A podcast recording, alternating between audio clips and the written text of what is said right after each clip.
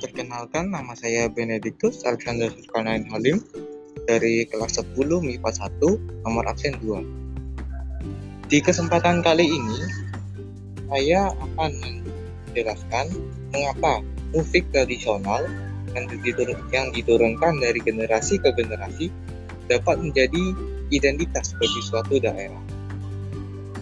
Oke, pertama, karena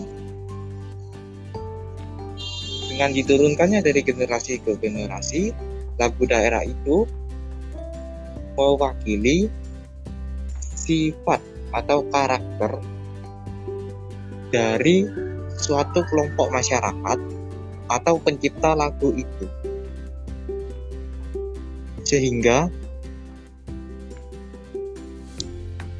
tentu saja karakter dan sifat dari masing-masing pencipta lagu atau kelompok masyarakat tempat berasalnya lagu itu berbeda-beda.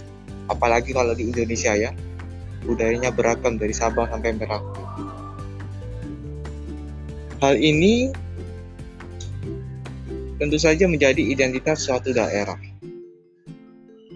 Karena adanya perbedaan baik itu dari segi logat lagu, bahasa lagu, dan sebagainya. Itulah yang membuat mengapa lagu daerah berbeda satu dengan yang lainnya. Misalkan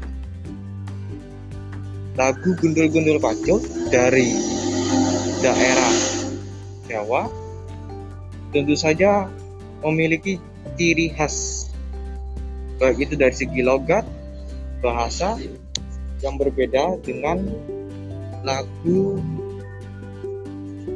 lagu Yangko Rambe Yangko dari Papua. Begitu juga dengan lagu Bungong Jumpa dari Aceh. Tentu saja berbeda dari rasa sayangnya. Dari lagu rasa sayangnya yang ada di Maluku. Sekian dari saya. Mohon maaf jika ada salah kata atau sesuatu yang kurang jelas. Sekian dan terima kasih.